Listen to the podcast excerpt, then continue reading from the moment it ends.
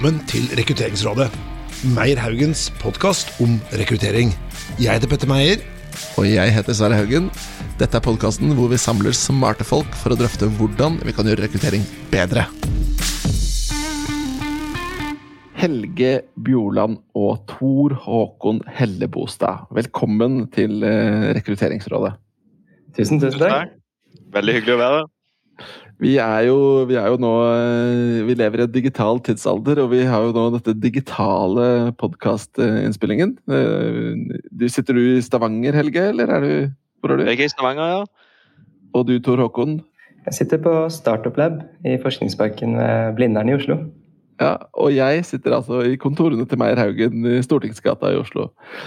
Um, vi Eh, skal ta en prat om noe som er utrolig spennende, og det er jo rekruttering og teknologi. For dere jobber i et selskap som heter Globus AI. Eh, hva i all verden er Globus AI? Globus AI er et uh, AI-selskap som sier seg litt av navnet. Og, uh, og da er det, det for, de, for, for, de, for, de, som er i HR, da, som ja. ennå ikke har fått med seg, så er det da, antar jeg, uh, det som på norsk kalles KI, eller kunstig intelligens. Altså artificial intelligence. Stemmer det? Stemmer det. Stemmer ja. det. det er et veldig nyttig verktøy når du skal gjøre ting smart. Altså programvare smart. Og det kan vi ganske mye om. Og ja. det som vi har fokus på, det er egentlig å lage smart programvare som sørger for at du får rett person på rett plass. da. Rett person til rett oppdrag. Det høres jo nesten for godt ut til å være sant. ja. Men, men sånn, sånn i ærlighetens navn, da, la oss bare, siden jeg tross alt er en teknolog som har gått meg vill og begynt å jobbe med mennesker AI, altså gjøre programmer smart, den er jo ikke smart, er det? Det er jo egentlig bare algoritmer som ligger i bunnen her, er det ikke det? Det er algoritmer, ja. Og, og, så lærer du av historiske data. Eh, ja. Sånn at det kontinuerlig oppdateres og, og modellene trenes på ny og, og blir smartere over tid. Da. Ja, så kan du så. si at det blir smartere i samarbeid da, med, med, rådgiveren eller den som jobber og bruker systemet, med bemanningskoordinatoren. Ja. Eh, så de lærer jo egentlig litt av hverandre. Så støtter hverandre, egentlig. Mm. Ja, fordi hvis vi tenker nå, nå skal, hvis vi tar dette først, da. Hvis vi snakker litt, bitte litt bare om AI allerede først, så er det jo sånn Du kan si at digitalisering i seg selv har jo liksom ulike trinn, ulike lag. Det begynner med at du bare tar det som er på papir, og så putter du det strøm på det. Som f.eks. Mm. en CV-portal eller en, et sånt CV-system. Eller en jobbportal som finn.no. Da tar du det som var i avisen, inn på det digitale. Så kan du gå mer og mer liksom oppover i digitaliseringstrappa. Og eh, på AI eller på ett punkt så handler det om å la teknologien hjelpe deg og støtte deg til å, bli, til å liksom huske, ikke glemme osv. Men AI, er det liksom å dra det enda lenger? Det er å dra det litt lenger, ja. Så det er når du gjerne blir litt sånn overraska og ikke helt forstår hvordan, uh, hvordan det var mulig. Det, det ligger å tenke, da. Ja, spennende. Hadde, mm, ja, vi kan ta et eksempel uh, etterpå. Ja, Få høre. For eksempel hva da? Vi hadde en bemanningskoordinator som uh, var litt skeptisk til dette her, da. Så Som uh, Du kjenner jo ofte til de kandidatene som du har ansvaret for og sånt. Uh, og så hadde du ingen som passet av de da, til et oppdrag som kom inn. Og så kom det inn en, en match da, som vi liker å kalle det en virtuell assistent, da, som hjelper deg. Så, så det kom opp en, en match der. Så var jeg litt skeptisk. Ja, nei, den kandidaten kjenner jeg ikke og vet ikke helt hva dette er og hvorfor han kommer opp. Så, så ble jeg enige om at det, du har ikke så mye å tape, så bare prøv det. Send det ut. Og eh, kandidaten svarte etter noen minutter. Eh, tok oppdraget, liksom. Og, og, kunden aksepterte kandidaten. Og, og gjorde det kjempebra i, i det oppdraget. Da var det litt sånn eh, litt overraskende. Sånn Å ja, hvordan skjedde det? Ja, så, da, var det da, da, var det sånn at softwaren ikke bare hjalp rådgiveren med liksom det som rådgiveren kunne gjort ellers, men den fant noe mer, noe utover. Mm. Sånn ja? Så bra. Men jeg tror Vanskelig å holde styr på liksom alt av jobbhistorikk til alle kandidater, og hva de har gjort tidligere, og hva kompetanse og preferanser. Ja. Ja, men jeg tror, nå, jeg tror, nå, har vi allerede kommet med et eksempel, men vi, nå er vi nødt til å si noe mer om hva er det egentlig Globus AI gjør for noe. Eh, hva, fordi Kan ikke dere, kanskje Tor Håkon, da, hva er det dere gjør? sånn rent praktisk for de der ute, da? Eh, jo, det oppstår jo eh, veldig mye adhoc, eh, plutselig behov for personell eh, på sykehus, eh, barnehager, overalt. Vi har jobbet mest med helse så langt. Og da er det gjerne akkurat rundt vaktskiftet på et sykehus eller hjemmetjenesten f.eks. Så meldes det inn sykdom, man merker at det er større behov enn man har forventet. og man trenger folk raskt. da søker man først internt, og så søker man ofte også eksternt hvis man ikke får tak i noen. Det som skjer da, er at man trenger noen på, på, kort tid. Det er vanskelig å huske på alle som man har i en database. Ofte går man til de man da kjenner best. Uh, det fører til at man kanskje ikke bruker alle man kunne brukt. Uh, så vi hjelper til litt da med å matche jobben med kandidaten, så vi ser på hva innholdet i jobben er, og så matcher vi det med det vi har på kandidatprofiler og også litt sånn, legger vi på litt myke verdier òg, sånn preferanser. Hva ønsker man, hva er man interessert ja. i? Um, så i det, praksis da, så tar vi jo Ja, det kan ja, nei, jeg sier det, det, skal vi snakke mer om, liksom hva, hvordan det funker etterpå. Men for å ta det overordna bildet, mm. så jobber dere, jobber dere med sykehusene, eller jobber dere med bemanningsselskaper? Mest bemanningsselskaper nå. Eh, vi gjør litt ja. med sykehus. Men, så dere så et, et eksempel da, på hvordan Globus AI kan bruke software, så er det for et bemanningsselskap som driver med bemanning til helsesektoren. Så hjelper dere bemanningsselskapet med å matche riktig kandidat inn til de ulike jobbene som trengs å dekkes. Er det riktig? Ja, det er riktig. Så vi jobber jo med Dedicare bl.a. nå, eh, og har utviklet mye sammen med de gjennom innovasjonskontrakt. Eh, også støttet av Innovasjon Norge, eh, der vi har ja, de mottar jo tusenvis av forespørsler eller vakter eh, i uka og måneden. Ja. Um, og disse går ut til mange byråer. Uh, de bruker ekstremt mye tid, opp mot seks timer om dagen per rådgiver har de tradisjonelt brukt på å tolke innkommende behov ja. og søke dette opp. Så vi leser jo de innkommende bestillingene automatisk, trekker ut essens og vakttider og behov, og så foreslår vi da personer som kan passe til, til jobben.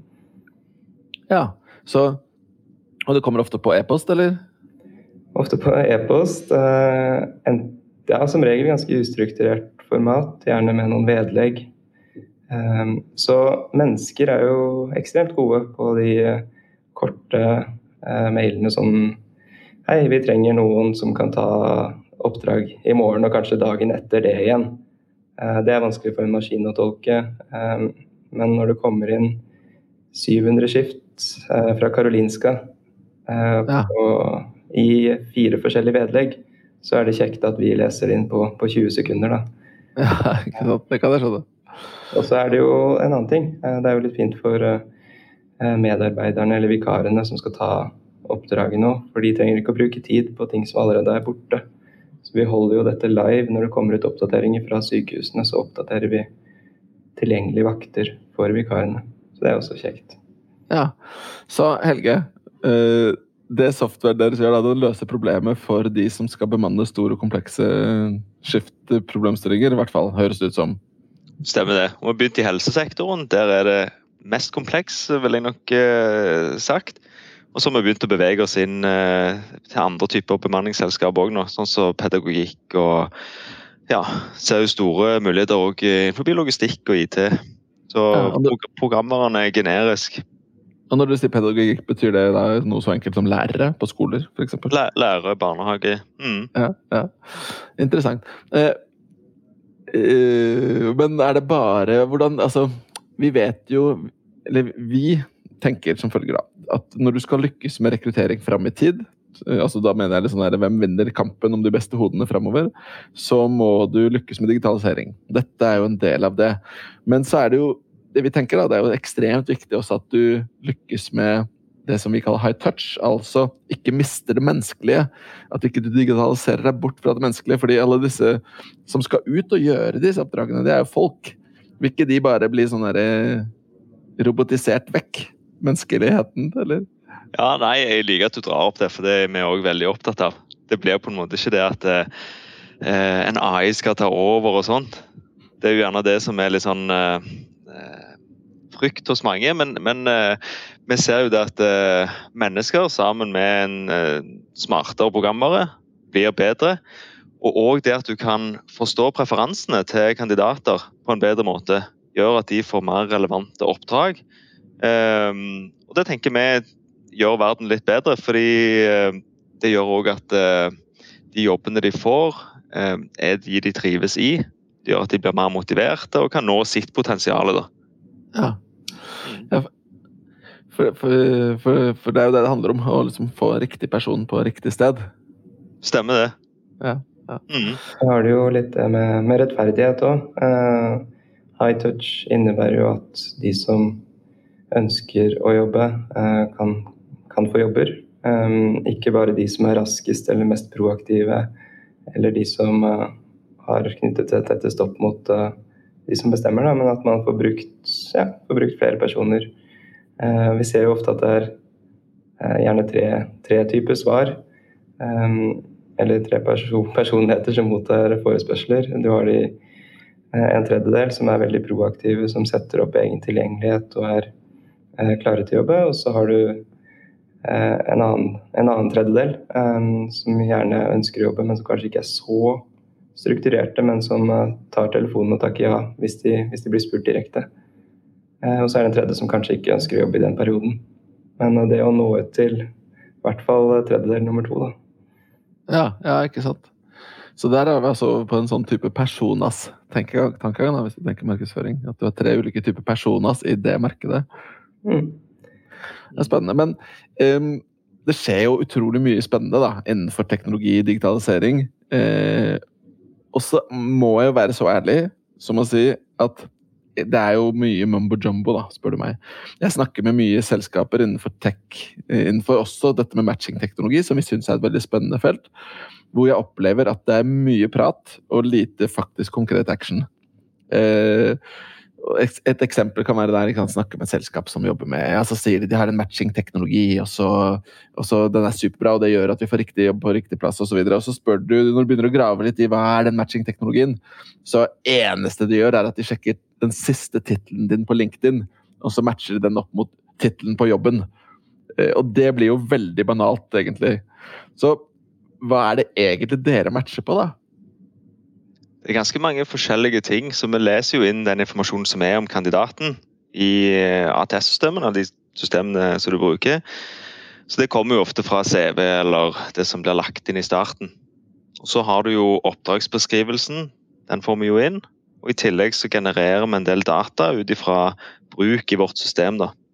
Så vi ser eh, hvilke oppdrag kandidaten svarer på, eh, når kandidaten svarer, altså tid på døgnet. Det kan være hva ja. geografisk lokasjon de tar oppdrag på. Hyppighet på oppdrag. Det er veldig mange ja. ting som vi bruker som kalles features. Ja. Det, det, tar vi inn og fòrer til maskinen som lærer og ser trender uh, i dette her, da, og kan finne liksom, Hvis det kommer inn et oppdrag og han ser at ah, den konsulenten har tatt et sånt oppdrag før, her er det en lignende konsulent, da passer nok han òg. Så det er liksom uh, disse tingene som gjør det smart. da. Hvis det var forståelig. Ja, jo, forstå, du, du, du, snakker om det på en sånn måte som gjør at det høres så enkelt ut, men det er jo sannsynligvis ganske komplekst, da, det som ligger bak. vil jeg tro. Det er mange dyktige folk, og ganske komplekst det som ligger bak, ja. Så, ja. Men ja. fordi, sånn som jeg tenker, da, uh, basert på det du har sagt nå, så ville jeg kanskje gruppert liksom de tingene du kan matche på, i hvert fall tre typer kategorier. Det ene er hvilke krav stilles det til kandidaten for å lykkes i jobben? altså Hva slags bakgrunn må du ha? Erfaring, kunnskap? Det er én ting. Det andre er karakteristikaer ved jobben, som du sier. Når på døgnet er skiftet, hvor er dette geografisk? En del ting som ganske enkelt passer, det passer det ikke. Mm. Og det tredje jeg tenker er viktig, som jeg mener ofte er undervurdert da, i rekrutteringsforskning og en del andre ting, det er jo hva skal til for at kandidaten syns det her er bra?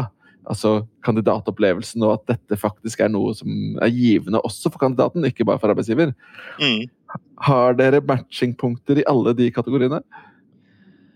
Ja, akkurat dette her siste som du nevner, opplevelsen for kandidaten, det er jo gjerne noe av det vanskeligste, og der du òg trenger liksom den, det menneskelige touchet. Ja. Så vi plukker det opp litt mer indirekte. Så du kan gjerne se hva type plasser kandidaten er om igjen. Sant? Flere ja. ganger. Det vil jo være en indikasjon på at de trives på en sånn type avdeling eller hos den kunden. Så det blir litt mer indirekte det vi får inn. Ja. I tillegg til at du òg begynner å plukke opp på noen personlighetstrekk og sånne ting som, som koordinatorene kan legge inn da, på kandidatene. Sånn som Sånn som hva da? Når du sier personlighetstrekk, så hva, hva snakker vi om da? Jeg har begynt å se litt på Ja, det blir jo på en måte en subjektiv vurdering, men du kan ha eh, nysgjerrighet, eh, ansvarlighet, og så på en måte rådgiverens vurdering på litt sånne, sånne ting. I forbindelse med covid-19 så kartla vi i Oslo kommune også beredskapspersonell innenfor helse. Eh, så sånn gitt en krise, f.eks. 40% mangel på ressurser da, i en stor karantenesituasjon, hvilke andre personer kan steppe inn ved behov? Eh, og Der så vi litt på eh, motivasjon også, ved å stille enkle spørsmål. Men hvor, hvor, motivert er du til å bidra i en krise, og en gradering av det, f.eks. Ja. Eh, og da kunne ha en, en rangering da, raskt i en krisesituasjon på hvem som kan strekke inn. Ja, for da, for da, trekker du frem, da trekker du frem en måte å hente inn data på, som er en sånn type survey. Du kan spørre meg er jeg nysgjerrig, så kan jeg si ja eller nei. og så kan du spørre er det viktig for meg å bidra i en krise, så kan jeg si ja eller nei. Mm. Så Det er én måte å hente data på, men jeg har fått inntrykk av at dere også liksom leser, som du sa i stad, Helge, litt basert på atferd. Mm. Så det er, er, det er det en kombo, eller hvordan gjør dere det? Ja, absolutt kombo. Eh, så vi prøver å lese inn liksom, det vi kan ut fra atferd. For eksempel så basert på oppdragene som tas og sånn, og hvis du tar oppdrag på, eh, på dagtid, eh, ofte nærme der du bor, eh, så kan vi gjerne forstå litt av familiesituasjonen din, sant? og ja. at, at, preferansene er sånne typer oppdrag. Ja. Selv om du gjerne ikke har svart på en survey eh, der du sier noe om det. Ja, ja. Får du minus på nysgjerrighet òg, da, kanskje, Tor Håkon, hvis du bare jobber hjemme på samme tid hele tiden?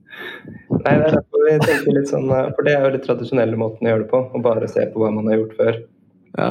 Um, så hvis du hadde gitt en AI kun et treningsdatasett på hvor en person har vært før, uh, så vil jo den personen aldri få mulighet til å jobbe nye steder.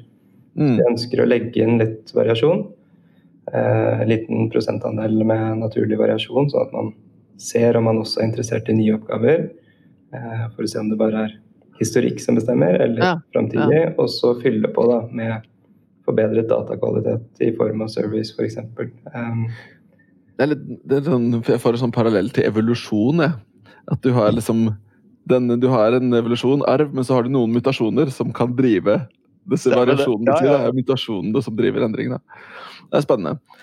Eh, syretesten og bare for å ta det til lytterne, da, så tenker jeg litt sånn at uh, på et vis så kan man si at syretesten på om noe lykkes eller ikke, og noe funker eller ikke, er jo egentlig om du lykkes å dra det her ut i, i virkeligheten.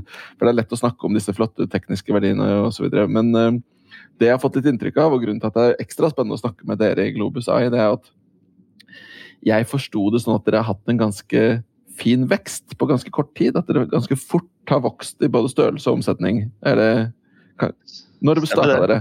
Ja, Vi starta for fullt altså Selskapet ble opprettet i 2017, og vi fire gründere starta eh, fulltid fra januar 2018. Ja, så to, eh, to, år pluss, da? To og et halvt nå? To og et halvt, ja. Og nå er vi rundt 40 stykk. 40 personer? 40 som jobber fulltid med dette her. Og det er jo ganske spennende. Først så er det jo Altså når du begynner med en startup, så må du jo finne problemet og, som du skal løse, og, og det er det som kalles product market fit. Altså Har du et problem som noen eh, trenger å få løst, det er jo der du begynner. Og så kommer du inn i mer skaleringsfasen. Da er du liksom sikker på at du har kunder som vil kjøpe dette, og, og du har fått utvikla det. Og, og, det er der vi er nå, og det er veldig gøy. Du ser liksom at eh, kundene begynner å ringe oss, de som, eh, de som har begynt digitaliseringsreisen. og, og og sånn, og bemanningsbyråene ser jo virkelig verdien av dette her. Eh, og ønsker å få det på plass. Så Det er ganske høyt trykk om dagene, og det er kjekt. Men er, det, er, det er jo nesten kanskje mer en scale-up enn en startup, da? Hvis dere er såpass mange som 40 allerede? Eller? det er nok mer på scale-up-nivå, ja. Ja. Stemmer det. Mm. Ja, For det er en ganske eventyrlig vekst, da, med 40 stykker. Da har dere rekruttert mye selv også? Jeg har gjort mye rekruttering sjøl, ja. Så, ja. Så, så, der har vi lært en del. Har dere, har dere brukt noe AI inn i den prosessen, eller? Ikke Nei, faktisk ikke. Kanskje dere burde det? ja. Jeg har eh, mange ganger sittet og tenkt sånn åh, jeg skulle bare satt meg ned og så lagd noe til akkurat dette. Ja, Men hvordan, hvordan har dere rekruttert, da? Det blir mer tradisjonelle metoder eh, med eksternrekruttering. Altså at det er hente inn altså ha jobbsøknader, jobbsøknader ute og, og hente inn CV-er, gjøre intervju. Eh, personlighetstester når det passer seg. Så, ja. mm. Så dere kjører klassisk og annonserer ut kanskje på Finn eller andre steder og får søkere inn og Ja, men har brukt da de programvarene som finnes for ekstern rekruttering som gjør det eh, enklere og mer automatisert. da. Få høre hva da? Nå får Nei, teknologier her. Jeg blir sikkert alle leverandørene kjempeglade. Nei, det, blir, det, er jo sånne uh, teknologier som da leser inn CV-er, uh, enkelt hente inn LinkedIn-profiler, gjør at du kan sette opp uh, triggere, f.eks. Uh, sånn at du Når noen søker på jobben, så får de automatisk en mail. Hvis de sender etter tre dager, så får de en oppfølgingsmail. Ja, men er dette dette er jo funksjonalitet som ofte ligger i det man kaller et ATS, altså et Applicant Tracking System. Er det, bruker dere ett system, eller bruker dere flere systemer? Ja, vi bruker ett system. Kan jeg spørre ja. hvilket? Vi har brukt, uh, brukt et som heter Recruity. Uh, ja. Recruity, så Det går an å sjekke opp da, for de som er nysgjerrig på, på, et, uh, på nytt ATS. Mm. Uh, bra. kanskje litt med Eh, verdiene også. Som de virker å fungere ganske bra. Måte, hvor visjonen vi... og Du kan jo si litt om det, Helge. Og vi har jo blitt eh, også eh, også fått flere som har kommet til oss og, og spurt også. flinke folk. Ja, det er sant. Det har jo òg hjulpet på altså, hvor enkelt det rekrutterer en ting er jo at det er veldig spennende. Vi ser jo at kandidatene syns det er spennende å jobbe inn i et tech-selskap med sånn globalt skaleringspotensial som, ja. som, kommer fra Norge. Spesielt i Stavanger er det gjerne ikke så mange sånne typer selskap. Um, I tillegg så har vi altså Når vi starta selskapet, så var det basert på en visjon om å bedre livskvalitet. Så vi starta ja. ikke med en produktidé, sånn som gjerne mange selskap gjør. Uh, med gründere har mm. high, touch, high touch og livskvalitet kom først. Ja, så vi ja. gründere har mye erfaring og kompetanse innenfor AI og teknologi og fant ut at uh, vi ønsker å, bedre verden litt med, ja. med det vi kan. Så, ja. og, og, fant da muligheten da innenfor dette med HR. Klare å gjøre at folk når sitt fulle potensial. Og, og spesielt da innenfor helse, som vi har starta. Så det er veldig jeg er veldig takknemlig for at dere valgte det. da, At dere ikke gikk inn i f.eks. olje. ikke sant, Dere sitter i Stavanger. Ikke det at det er noe gærent i det, men, men, det er ikke noe tvil om at det trengs, og at det er et kjempepotensial for å løfte det som skjer innenfor HR-feltet. Og så er jo realiteten, ja, og så er jo realiteten det at veldig mye av det som skjer på HR-tech, handler om å gjøre jobben lettere for, for rekrutterer, eller for HR, eller for organisasjonen. Og det gjør jo deres software også. Eh, men det at dere har kommet fra et sted hvor også kandidatopplevelsen er viktig. Det applauderer vi eh, i stor grad. da. Også, også de, de koordinatorene som sitter og, og, og, jobber. jeg tenker jo Mye av dette her som, som jeg gjør, er jo mer sånn transaksjon, altså transaksjonsbasert, eller hva skal du kalle det, manuelt, manuelle ting som de må gjøre. Ja. Eh, og det å digitalisere det, det gjør jo òg at de får bruke tida på det som de er gode på. Og der du virkelig trenger mennesker. Altså Være ute og snakke med kandidater, rekruttere nye, Eh, snakke med kunder. Der gir jo de òg mest verdi. Ja, ikke sant. Så har du jo um, Du nevnte også måte, hos kunden og hvilke behov de har, og hvordan de definerer det. Det å kunne gi de kontinuitet, eller disse foreslå personer som har vært der før, er jo også viktig. Sånn at det blir mindre tid brukt på opplæring, pasienter og brukere av f.eks. hjemmetjeneste, møter mange av de samme personene om igjen. Eh, barnehagebarna møter de samme personene om igjen. Så det er litt det å ha med seg hele, eller alle de involverte partene. da, Fra kunde til sluttbruker, eh, bemanningskoordinator og de som faktisk skal jobbe. Så, og selv, da, at vi har det gøy. Det er viktig. Ja. Det er viktig. Men, men, det var jo der vi var jo på rekruttering. For det, det er jo alltid det vi begynner med i intervjuene òg. Det er jo å snakke om visjonen her, og hvorfor vi gjør det vi gjør. Eh. Og har dermed klart å bygge opp en eh, veldig bra team da, med folk som, eh, som, blir motivert av akkurat dette her. da. Så Jeg syns jo det er en, en, kul kultur i, i selskapet òg. Er visjonen liksom artikulert som én setning, eller? Ja, det er improve quality of life. Det er på en måte Med AI. enkleste. Med AI, ja. Ja, Veldig, veldig kult. Um, hvis vi ser litt i krystallkula, da. Hva mm. skjer innenfor dette feltet framover? Godt spørsmål. Det, det snakker vi òg mye om, og jeg tror det er mye som kan skje. Eh, jeg liker jo litt sånn eh, science fiction og, og sånt. Og da, ja. da, blir det ofte sånn å fantasere enda lenger fram. Hva, hva, gjør du når du egentlig ikke trenger å jobbe og, og kan gjøre akkurat det du vil? Eh, du kan få, få, det du trenger når du vil. Men, men jeg tenker jo den der Det å finne en jobb som motiverer deg, gå på jobb og faktisk ønsker å gå på jobb. Jeg, jeg har litt problemer med å forstå den der at du går på jobb bare for å gå på jobb åtte til fire. Eh, så, så, den tenker jeg liksom, Hvordan får du til det hos de fleste? Og, å klare å gi det, det må jo være en, en stor verdi. Så, så, du, så, du, tror at det der vi er på vei, der det beveger seg, er for å øke livskvalitet i jobb? Ja, ja det tenker jeg.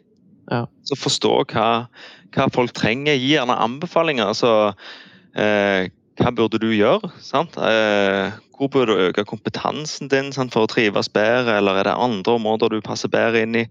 Sånne ting som det. Der tror jeg eh, smartheten vil, eh, vil, bidra en del.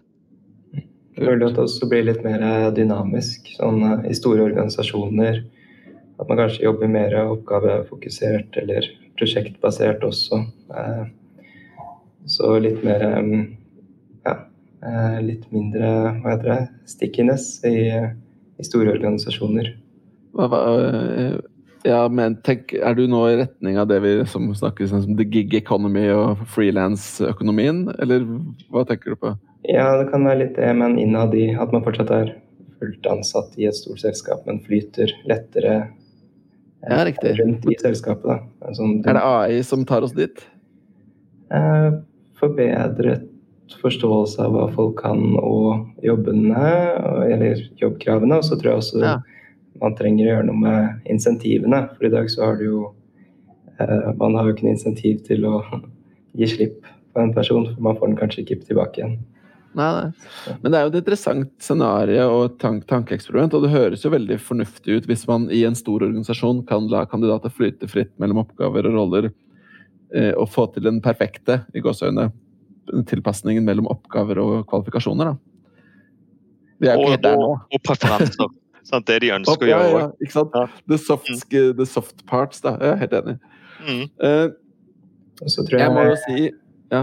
Ja, siste ting. Jeg tror vel Man ser jo en trend at det blir eh, stadig flere tech-aktører i eh, bemanningsbransjen, eh, og rekrutteringsbransjen også.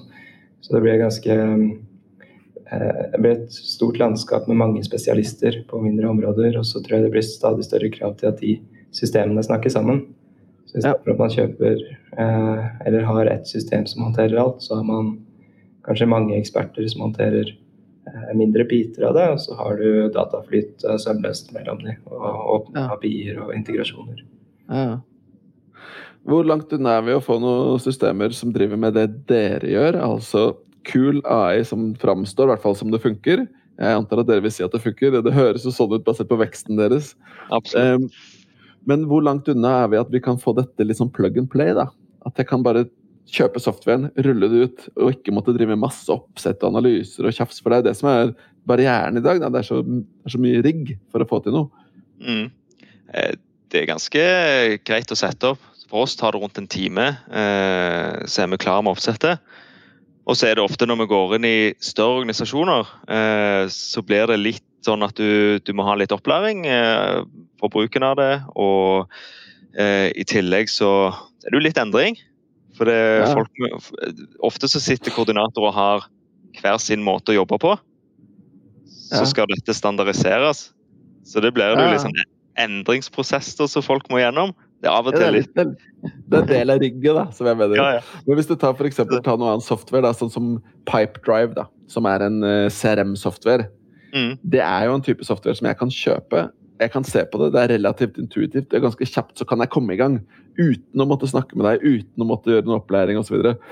Vi, er- vi er et stykke unna det enda innenfor dette feltet, eller? Nei, det er der som det er der vi er på vei, men vi ser at eh, de fleste større kunder som vi går mot, de har andre behov. De vil ha på plass integrasjoner, de vil ha på plass single sign-on og alle disse andre funksjonalitetene i tillegg. Ja. Eh, og så blir nok dette noe vi kommer til i andre steg, når du òg egentlig sikter deg inn mot mindre bemanningsbyråer. da. Ja, for, for det som er litt sånn utfordringen her, da, hvis, vi skal, hvis jeg skal problematisere det litt, eller det er jo også et mulighetsrom i det Du kan si at dere kan jobbe mot de store gigantene som har rigget, og de har økonomien til å støtte og gjøre disse integrasjonene osv. Men det er jo når dere kan henvende dere til de tusenvis av SMB-bedriftene, sånn at rørleggeren på hjørnet kan bruke dette for å matche inn de riktige folka til sine muligheter, det, da er vi jo på et spennende sted, da, tenker jeg. Mm, du er så. Og før det kan skje, så må du jo ha en del data. Så du må jo Vi må jo liksom lære å Ja. få, få en del erfaringsdata. Ja. Mm. Du, jeg syns, det her er superspennende. Eh, Jeg gleder meg til å følge dere videre, og det kan også hende at vi må ta en liten prat om å se på hvordan vi kan finne på noe spennende sammen. Det Eh, gjør vi gjerne. Og nå skal dere snart få slippe fri, men jeg, jeg har jo advart dere om at jeg skal på slutten av Rekrutteringsrådet så stiller vi noen dilemmas. Nå er jeg Eh, spent. Ja, nå er du spent. Og det, dilemmas fungerer jo sånn at eh, jeg kommer til å sette, gi dere et dilemma, og så må dere ta et valg. Da. Dere må svare enten eller, så skal dere få lov til å redegjøre for det etterpå. Eh, og siden dere nå er to gjester, så skal dere få lov til Først så må dere svare enten eller, hver av dere, og så kan dere få lov til å diskutere ut svaret etterpå. Eh, er reglene forstått? Forstått? Forstått. Det er veldig bra. Ok, Første dilemma er Hva er det viktigst uh, å løse, eller hvem sitt behov er viktigst for å få til å løse et oppdrag bra? Er det arbeidsgivers behov, eller er det kandidatens behov? Uh, FUS. fus fra Oslo, Forskningsparken. Vær så god, Per Håkon. Jeg tenker hvis du skal um, lykkes over Nei, tid du må bare svare. Bare svare først. Ja, ok. Uh, arbeids, arbeidstaker. Ok, Helge, hva sier du? Arbeidstaker. Ok, Så begge dere to er enige om at drit i arbeidsgiveren. Det viktigste er å møte behovene til kandidaten. Jeg tenker når man har brukt så mye tid på å finne eh, kandidaten, eh, så ønsker man å holde den personen, han eller henne, fornøyd. Eh, Ja. Og du vil ha den personen motivert. Så ja, vi bryr oss mer, mer om de Globus-ansatte enn enn om Globus, vi og LG. gjør vi ikke? Og jeg tror den verdiøkningen vi gir til bemanningsselskapene og sånt, det er, jo, det, er jo, det er jo vel og bra det, men jeg tror ikke de kommer så langt hvis ikke kandidaten er fornøyd. altså. Da, det er jo det er ganske bra marked for dem, så da hopper de fort videre til, til noen andre. Men jeg, jeg tror jo altså, Og det er jo et dilemma fordi som et godt dilemma så går det ikke an å velge. Fordi hvis ikke du møter det ene behovet, så møter du ikke det andre. Så så Mm. enkelt er det jo egentlig. Men jeg er veldig glad for at dere begge to velger kandidaten. fordi du kan jo si at der vi kommer fra, hvis du spoler tilbake noen år, og kanskje fremdeles ser på mye av det som skjer innenfor rekrutteringsverdenen, så er det jo et veldig stort behov på å møte fokus på å møte eh, oppdragsgiver, altså arbeidsgivers behov. Eh, så, men, eh, men ja, det, jeg syns det var gode svar, og jeg er enig for øvrig, da. Og så er vi alle enige om at du kan ikke møte det ene uten å møte det andre. Men ålreit. Men det var i hvert fall et svar hvor dere var enige. da. Skal vi se om dere er enige om resten også. Eh, dilemma nummer to er som følger. Når dere nå skal eh, Dere har vokst eh, mye, ikke sant? 40 stykker. Eh, nå skal du få en ny kollega. Vil du da helst ha en kollega som er eh, valgt ut av eh, algoritmer og en robot, eller valgt ut av et menneske uten noe som helst digital støtte? Helge først, da. Sin, Robot. Oi, spennende. Tor Håkon? Får uh, balansere da, og satse på at begge er med i ansettelsesprosessen. ja, så du sier menneske? menneske. Ok, men, men, Helge, sier du nå at du kan la en robot nå få lov til å velge ut folk til å jobbe med deg i Globus eier? Altså nå, nå, vet jo du at vi er ganske analytiske, så her, her er det jo en del sånn forutsetninger som må være på plass. ja, ja, ok, så nå skal du hedge? Nei, ja, ja, ja, så jeg tenker jo at det, eh, det er ikke sikkert teknologien er så bra i dag. Iallfall på ekstern okay. rekruttering. Uh, men hadde han vært det Altså, jeg, jeg, tror fort du er på et nivå I dag òg tror jeg du kunne fått til veldig mye. Ja. Der roboten nesten kunne plukket ut noen så du ble overraska hvor bra de passet. Riktig. Det, Men vet du hva? Da skal jeg her og nå utstede en utfordring til dere. Og det er å ansette noen Dere trenger ikke gjøre det med en gang, men min utfordring er å ansette noen kun ved hjelp av data i algoritmer. At dere no human hands skal være med i avgjørelsene. Når dere har gjort det, så skal jeg invitere dere tilbake og så skal vi ta en ny prat om hva dere har gjort og hvordan dere har gjort det. For det er spennende case. Ja, spennende. Ja. Kanskje vi skulle tatt um, uh, Vi kunne jo vurdert et prosjekt, da. ja, ja. Det var spennende. Kanskje, kanskje, vi skal kjøre det som et samarbeidsprosjekt. Men uh, kult. Uh, men da, da, var dere jo smarte og valgte én hver, så, så, så, svaret er jo egentlig at dere ønsker begge deler. Og det leder oss litt fram til siste dilemma. Og nå skal vi inn i sci-fi-verden, Helge. Du nevnte at du, du leser litt sci-fi. Mm. Uh, nå skal vi ta et framtidsscenario. Og så må dere velge hvilken av disse dystopiene dere vil ha Uh, vil dere helst ha en framtid hvor all rekruttering kun gjøres av maskiner? Eller maskiner blir fjerna helt, sånn at vi fortsetter å ha kun mennesker i prosess? Altså med andre ord det vi just snakket om i stad, men et fremtidsscenario hvor det er alt. Jeg ser egentlig for meg eh, at det kan gjøres av maskiner, nesten. Altså, ja. ja. Jeg, jeg ønsker meg heller det, tror jeg. Tor Håkon? jeg syns det er vanskelig. Eh, jeg har lyst til å balansere Helge en gang til der, eh, bare fordi eh, det kommer egentlig av at man i tråd med visjonen vår, da, så vil vi øke, få mer rettferdighet og eliminere som heter bias eller fordommer som kan eksistere i data. Ja. Så AI i dag vil jo alene trent på historisk data ofte. Eller hva som man tenker har vært best. Og der kan det allerede få, være en del fordommer. Uh, ja. Jo, men det, det, har du jo metoder for å unngå. Og så blir det jo jeg tror nesten det er mer fordommer når folk sitter og velger. Ja, og ting som du gjerne ikke er klar over sjøl. Så du Det vet du jo. Ja. Det er jeg tenker, den balansen der. At de kan eliminere litt fra hverandre, håper jeg da. Ja, fordi Hvis du velger roboter, så sier du jo også egentlig at ok, bye bye, menneskelig frihet. Ja, gjør du det, da? ja, jeg, jeg, jeg, det går an å påstå det, da. Eller? Ja, ellers så blir det Du legger din tillit til maskinene, da. Skynet, velkommen. jeg vet Skynet er lenge til, da. ja, er det det? du kan iallfall effektivisere prosessen ganske mye, da. Med å ha maskinene med på, på laget. Ja. Hvis det er, akkurat, Nei, men... Hvis det er uh, plottingen, så kan gjerne maskinen ta over. Men uh, vi vil ikke miste touchen, tenker jeg. Nei, nei. Det er bra. Du, eh... det er ikke godt å si hvor vi kommer til å ende opp, men det som det framstår som, det er at dere er jo definitivt en av aktørene i dagens marked som driver denne utviklingen videre. Jeg har snakket med veldig mange ulike tech-selskaper, og jeg må jo si at på Face Validity på deres presentasjon av dette, så høres det veldig spennende ut, og det høres ut som dere gjør veldig mye smart. Og som jeg sa i stad, så gleder jeg meg til å følge dere videre. Eh, og det gjør også mine andre kollegaer her i Meierhaugen. Så eh, med det så sier jeg tusen, tusen takk for at dere kom til dette digitale podkaststudioet. Eh, og jeg håper vi kan holde kontakten videre. Tusen takk for at jeg fikk være med. Det var veldig hyggelig. Tusen takk, og god helg.